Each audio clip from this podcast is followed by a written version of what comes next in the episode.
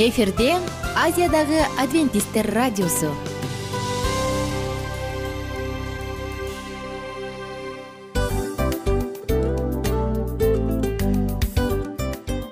Достор салют. Баардык сүйүктүү угармандарыбызга салам айтабыз. Кутман күнүңүздөр менен. Ден соолук өмүрдүн булагы демекчи саламат саамы программасында баарыңыздарды көргөнүбүзгө абдан кубанычтабыз. Анда алгач амандашып өтөлү арбаңыздар деп. Ден соолугуңуздар кандай элибизде көбүнчө ден соолук кандай дегенде эле жакшы деп жооп беребиз э? ооруп турсак дагы жакшы дейбиз. Анан мен муну айтып ойлойт элем бул абдан сонун сөз депчи анткени бул жакшы деген үмүт да э баары жакшы болот. Баары сонун. Деп үмүттөнүп атып эле өзүбүздү өзүбүз дарылап коебуз. Анысы кандай? Сиздин дагы ден соолугуңуз жакшы беш деген үмүттөбүз чындыгында ден соолук бул өмүрдүн булагы деп бекеринен айтылган эмес деп ойлойм. Кыргыз элинде анткени эгерде ден соолук жок болсо анда адамдын жашоосунда калган баардык керектүү маңыздуу нерселер өзүнүн баалуулугун жоготуп коет. Ошондуктан ден соолук бул эң керектүү нерсе. Ооба туура айтасың кесиптешим. Чынында ден соолугуң жок бир эки үч күн ооруп калсаң эле э кандай болуп калат? Жашоодо көз каранды болуп каласың көп нерсеге жетишпей каласың көп нерсени кыла албай каласың жада калса эшикке дүкөнгө да чыга албай каласың. Туптуура анан ден соолук болсо демек биз биздин бактыбыз тотой деп койсок болот.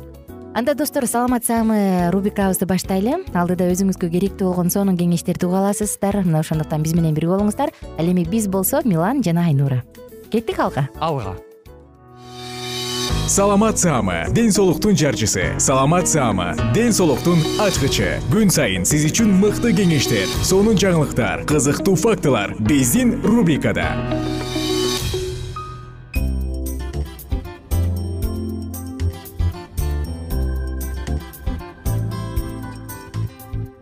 Салам достор. Биздин сүйүктүү угармандарыбыздын баардыгына ысык салам айтабыз. Жана сиздер менен бирге жагымдуу саатыбыз саламат саама рубрикасындабыз бүгүнкү уктуруу бизде өзгөчө айырмаланат. Эмнеси менен десеңиз алдыда дарыгерлер менен болгон маектерди сунуштамакчыбыз. Сөзсүз түрдө достор адамдын ден соолугу биринчи байлык. Муну ар бирибиз билебиз.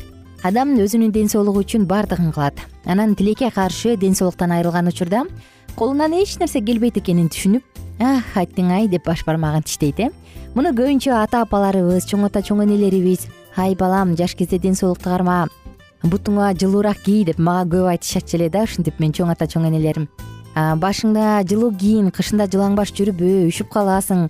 Ай кызым жуунуп алып эшикке чыкпа деген сыяктуу көп кеңештерин айтчу эле. Албетте биз булардын көбүн кулагыбыздын сыртынан кетирип коебуз бирок чындыгында кенедей кезибизден баштап ден соолукка туура кам көрүп туура тамактана турган болсок анда канчалы деген оорулуу коркунучтуу оорулардан алыс оолак болобуз. Жана албетте иштеп тапкан акчабыз дары дармек эмес өзүбүзгө өзүбүздүн жеке муктаждыктарыбызга жумшалат ошондуктан достор мен каалайт элем ар бир угарманыбыз жашоодо туура тандоолорду жасап ден соолугунун камын көрүп жүрөгүндө тынчтыкты сактап стресс депрессиядан ашыкча тынчсыздануудан алыс болуп көп нерсени жаратканга ишенип тапшырып коюп жашоодо мындай бактылуу күндөрдө жыргалчылыкта жашаса деген үмүтүм бар алдыда биз сиздер менен дарыгерлер менен болгон маектерди сунуштайбыз сиздерге. Жана сөзсүз түрдө бул уктурууларды уккан соң өзүңүзгө тыянак чыгарып мүмкүн ден соолукта кайсы бир жерине ремонт жасап э баягы тамашалап айтканда кайсы бир жерине көңүл буруп кайсы бир жери кыйкырып жаткан болсо мага көңүл бур деп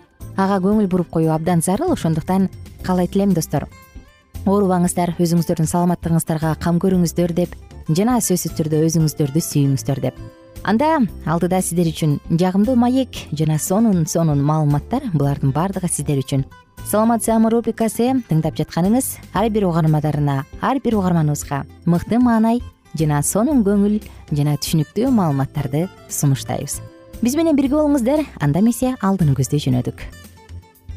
Аты жөнүм айнура миназарова. Жана достор бизде бүгүн коногубуз бар сиздер менен бирге. Дагы да болсо балдарыбыздын келечеги балдарыбыздын саламаттуу денеси үчүн кам көрүп дагы келечектеги видеону сунуштайбыз.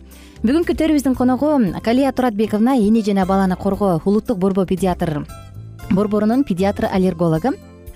Кош келипсиз? Саламатсызбы? Кутман күнүңүз менен маанайыңыз жакшыбы ооба абдан жакшы. Сиз сурагандан кийин өтө жакшы болуп кетти.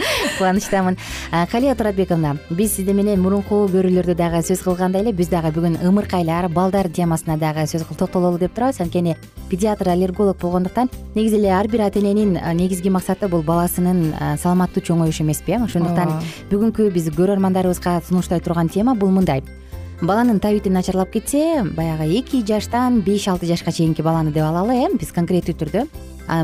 Табити начарлап жакшы тамак ичпей калса эмне кылыш керек? Эне ата кандай жардам бере алат? Негизи эле эмне себептен табити начарлап кетет? Сөзсүз түрүндө биз биринчиден билишибиз керек эмне себептен? Эмне себеп алып келди баланын табити начарлап калган учургачы?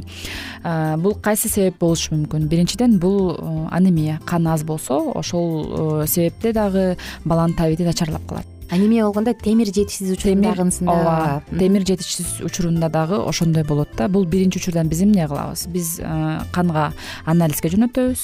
Ата эне барып баласынын канын тапшырдырат. Кан тапшыргандан кийин биз ал жерден э, гемоглобинин карайбыз да. Гемоглобини кандай экен?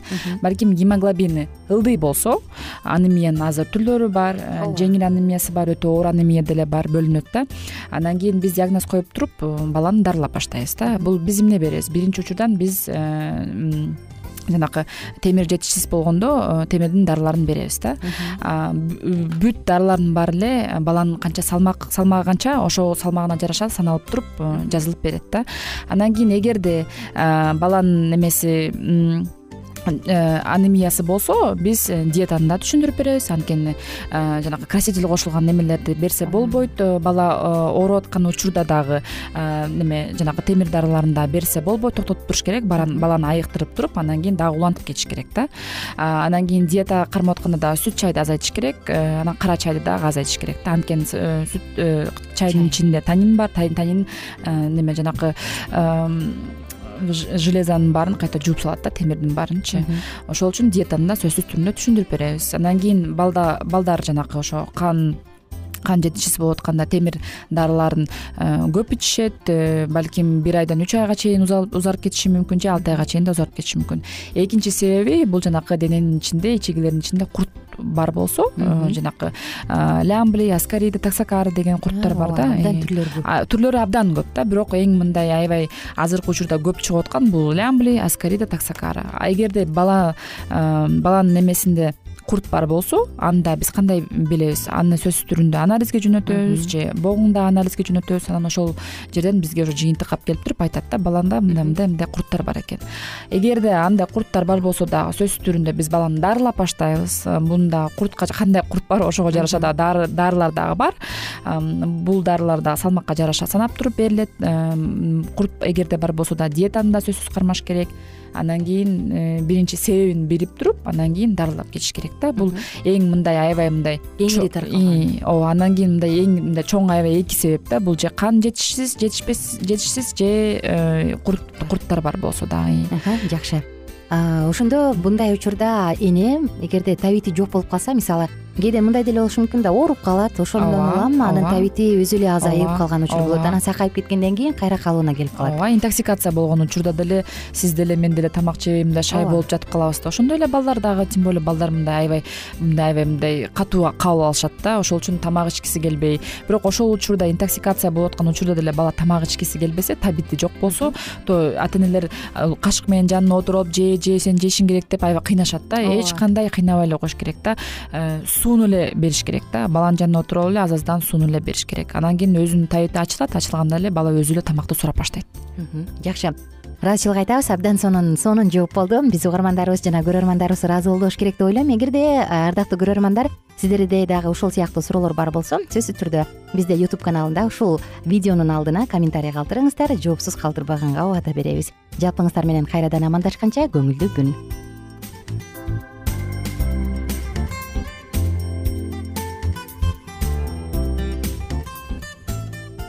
кененирээк маалыматтар үчүн үч w чекит саламат чекит клуб сайтына келип таанышыңыздар. Жана андан тышкары социалдык тармактарда youtube facebook жана instagram баракчаларына катталыңыз. Саламат саама ден соолуктун жарчысы. Саламат саама ден соолуктун ачкычы. Күн сайын сиз үчүн мыкты кеңештер сонун жаңылыктар кызыктуу фактылар. Биздин рубрикада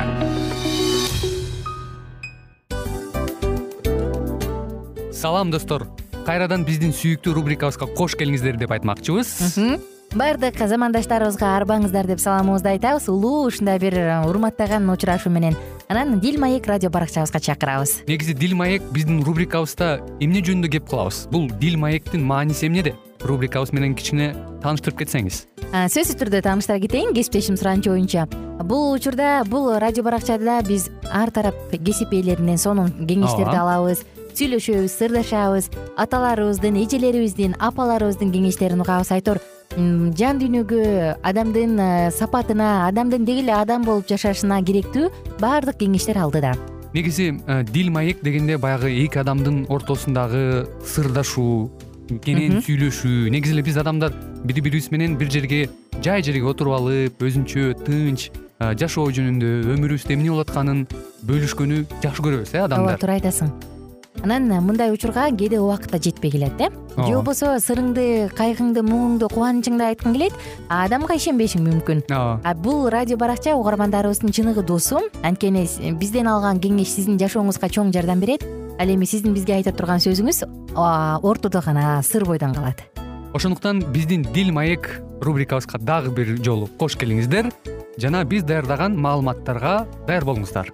Айнура жана милан сиздер менен бирге алдыга кеттик ар түрдүү ардактуу кесип ээлеринен. Алтын сөздөр жүрөк ачышкан сыр чачышкан сонун маек. Дил маек рубрикасында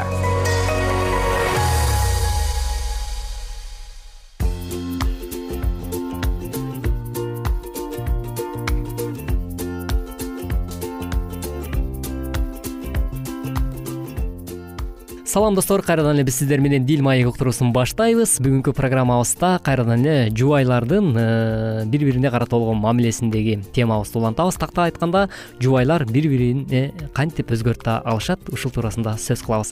Кесиптешим айнура кандайсың маанай жакшыбы салам улан. Сонун бизде маанай жакшы. Өзүңдөчү э, эң сонун э, бир аз кичине көңүл чөгүүлөр бар деп койбойнбу эмне себептен? Кишинин маанайын түшүрбө антип андай кылба биз болсо достор анда саатыбызды уланталы биз бир нече уктурууларыбыздан бери жубайлар бири бирин өзгөртө алышабы деген теманын үстүнө сөз кылып жатабыз. Жана албетте бүгүн бул теманы андан ары улантабыз. Мурунку уктурууда биз адам өзүнө ыңгайлаштыргысы келет дегенбиз э өзгөрткүсү келгендин себеби. Жана ал кандай болсо ошондой кабыл ала албагандык дагы адамды өзгөрткүсү келгенге түртөт дегенбиз мүмкүн бүгүн андан ары дагы ойлор болсо бөлүшүп кетпейлиби кандай дейсиң? Сөзсүз түрдө негизи эле бири бирин э, кабыл албастык жана кабыл ала албастык дагы өтө чоң көйгөй жана маселени жаратат. Э, ошондуктан биз кандай гана болбосун ушул бири бирибизди кабыл алганга үйрөнгөнгө аракеттенгенибиз абдан э, маанилүү экен. Демек бүгүнкү программада да ушул туурасында сөз кылабыз. Мен негизи өзүм баягы көргөнүмдү жашырбай тарс турс айтып салган адам болгондуктан биз жаңы баш кошкондо бир жака барып келгенде же бир нерсени көргөндө ий көрдүңбү анын аялы мынтип экен э тигин күйөөсү мынтип экен э ал монтип сүйлөп койду го? деп мындай көп айта берчүмүн да сындапчы ай ушинтип коет экен антип коет мынтип көрдүңбү? Э тигиндей экен депчи анан. Жолдошум башында унчукпай калчу азыр ойлосом ал мени таарынтып албайын деп аракет кылчу экен да. Анан кийин ал айтып калды бир аздан кийин. Эми ал ошондой адам да. Ал ошондой да. Ал үчүн бул нормалдуу нерсе.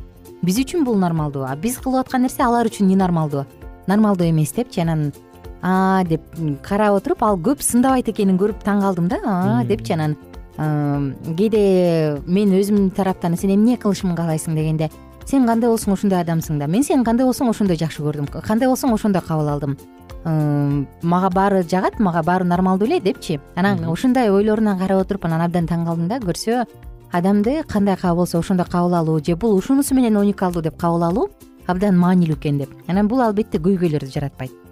Ооба чындап эле э, адамды кандай болсо ошондой кабыл алып ага дагы мындай туура мамиле кылуу дагы э, ар бир эле адамдын мындай колунан келе турчу иш негизи. Бирок э, тилекке каршы айрым учурларда биз ошонун сырларын жана ошонун үстүндө изилдөө жүргүзбөгөндүктөн балким айрым учурларда балким каалабагандыктан мындай ой жүгүртүүгө умтулбагандыктан биз мүмкүн муну бир көйгөй катары эле көрүп анан бири бирибизди ушул жогоруда буга чейинки программабызда айтып өткөндөй эле бири бирибизди кажып жеп анан э, мындай түшүнбөстүк болуп эле анан э, баягы уруш чатак э, баягы уруш каяктан чыкты.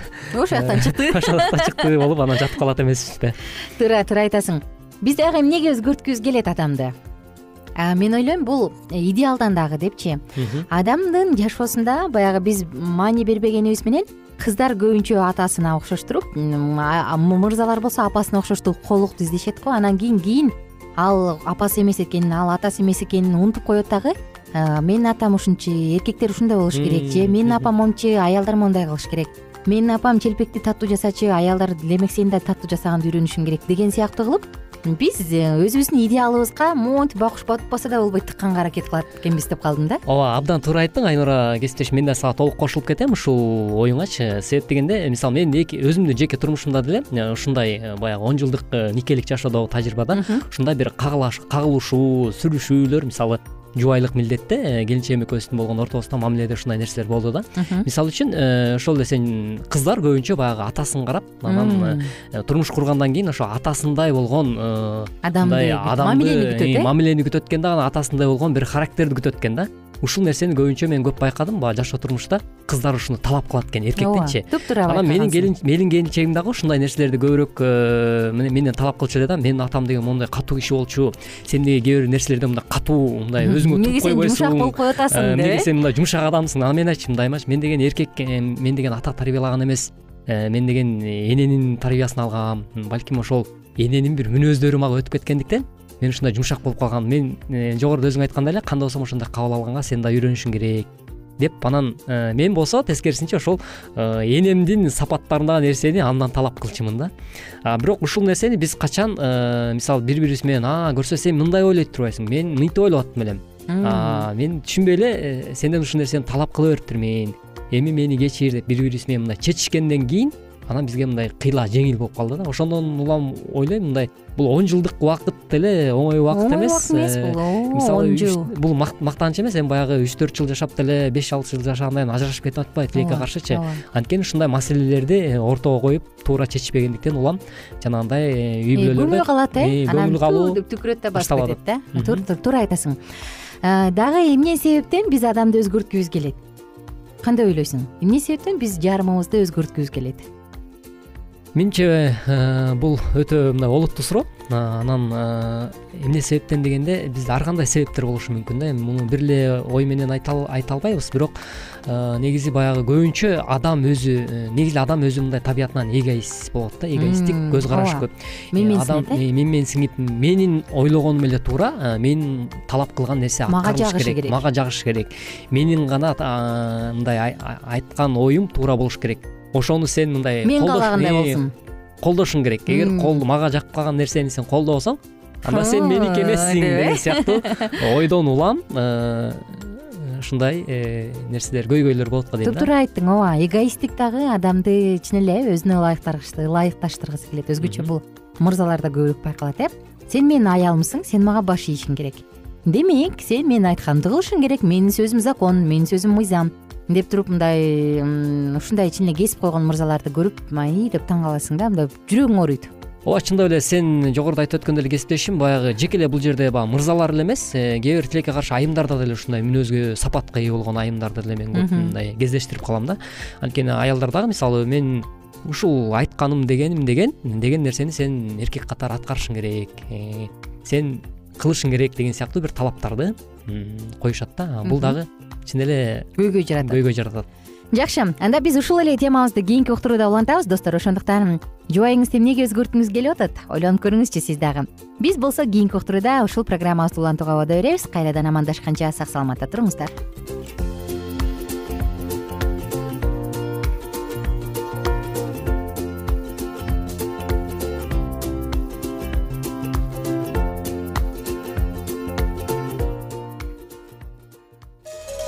ар түрдүү ардактуу кесип ээлеринен. Алтын сөздөр жүрөк ачышкан сыр чачышкан сонун маек. Бил маек рубрикасында.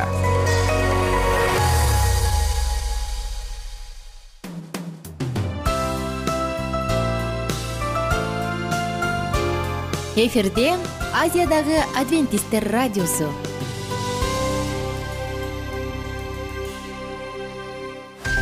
жан дүйнөңдү байыткан жүрөгүңдү азыктанткан жашооңо маңыз тартуулаган жан азык рубрикасы.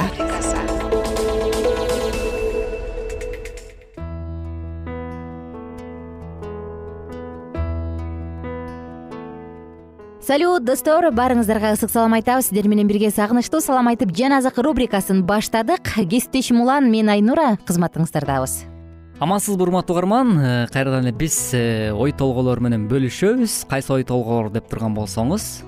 Анда бүгүнкү темабыз ыраазычылык жөнүндө.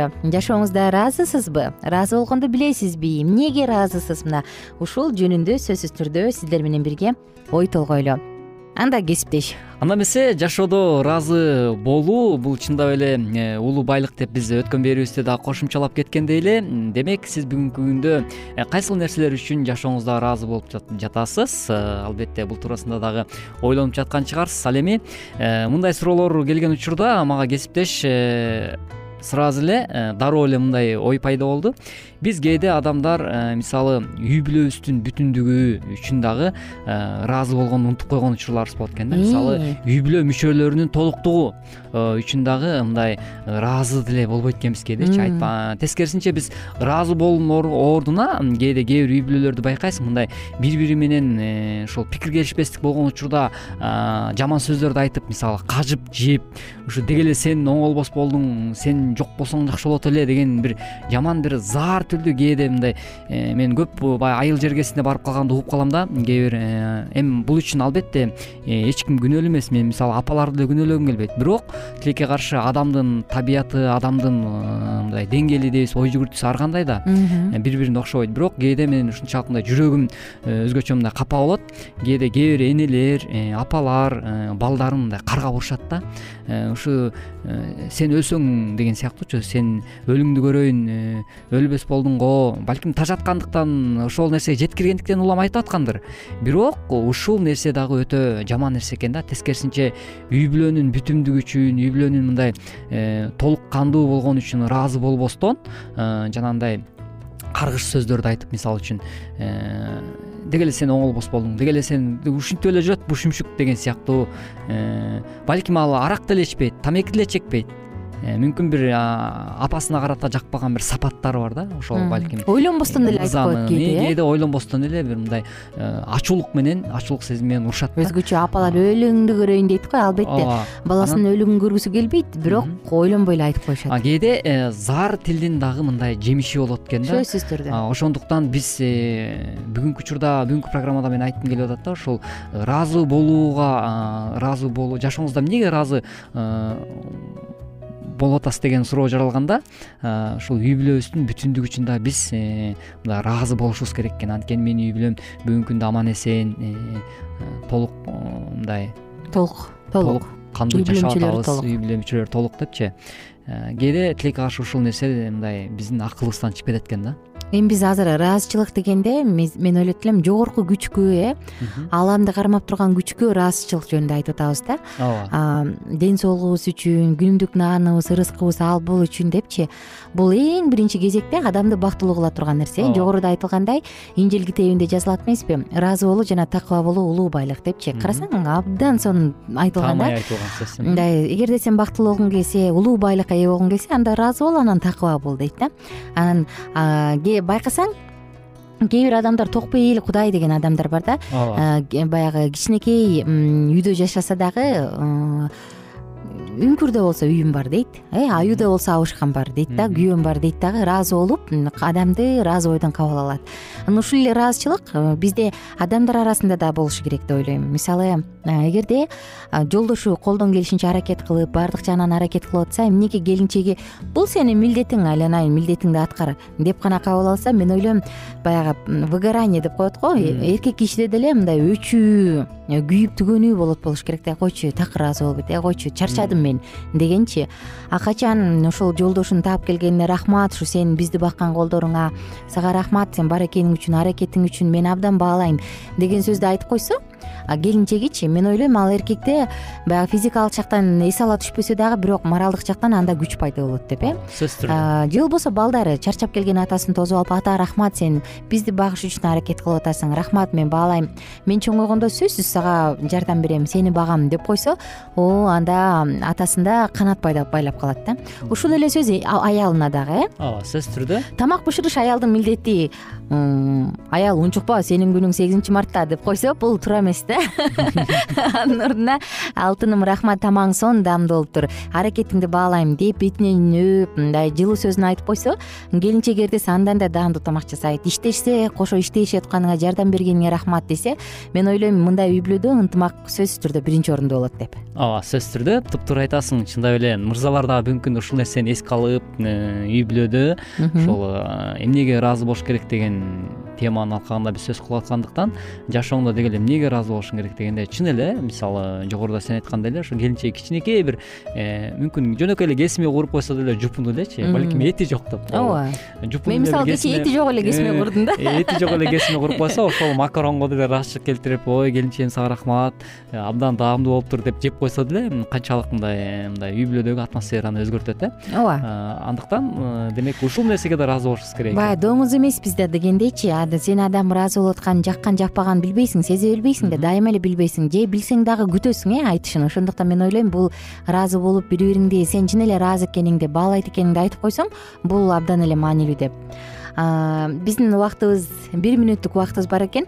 Мен ойлоп атам кийинки уктурууда дагы сен келинчегиңдин эмнеси үчүн ыраазысың санап берсең мен санап берсем мен ойлоп атам угармандар дагы бири бирин баалаганга бири бирине болгон ыраазычылыктарын мынтип э, тизмелеп алганга тизмектеп алганга мүмкүнчүлүк болот болуш керек деп э? Ооба кел анда ушундай кылып көрөлү. Негизи эле жашообузда эмнеге ыраазыбыз? Биз жакындарыбызга эмнеге ыраазыбыз? Мына ушул жөнүндө буюрса мен ойлоп атам кийинкиде сүйлөшсөк болот го дейм. Албетте биз ушул туурасында дагы сөз кылабыз. Ал эми урматтуу угарман бүгүнкү уктурууда кулак төшөгөнүңүз үчүн ыраазычылык билгизебиз. Э, биздин угармандарыбыз бар бар экени үчүн рахмат айткым келет мен. Э, ушул толкундан биздин уктуруубуз берилип атканы үчүн рахмат айтам. Кесиптешим үчүн рахмат айтам. Э, негизи эле ушул жашоонун бар экени үчүн жөндөмүбүз бар экени үчүн албетте биринчи кезекте жаратканыбызга ыраазычылык айткым келет. Коштошобуз достор? Кийинки уктуруудан кайрадан амандашканча анда кесиптеш коштошолу анда эмесе урматтуу угармандар жүрөгүңүздөр ак багытыңыздар ар дайым түз болсун деген тилек менен бүгүнкү уктуруубузду жыйынтыктайбыз. Сак саламатта болуңуз.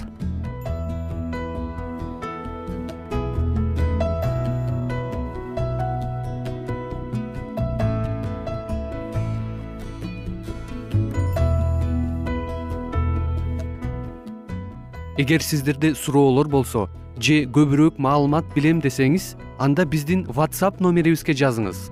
Плюс бир үч жүз бир жети жүз алтымыш алтымыш жетимиш. Кайрадан плюс бир үч жүз бир жети жүз алтымыш алтымыш жетимиш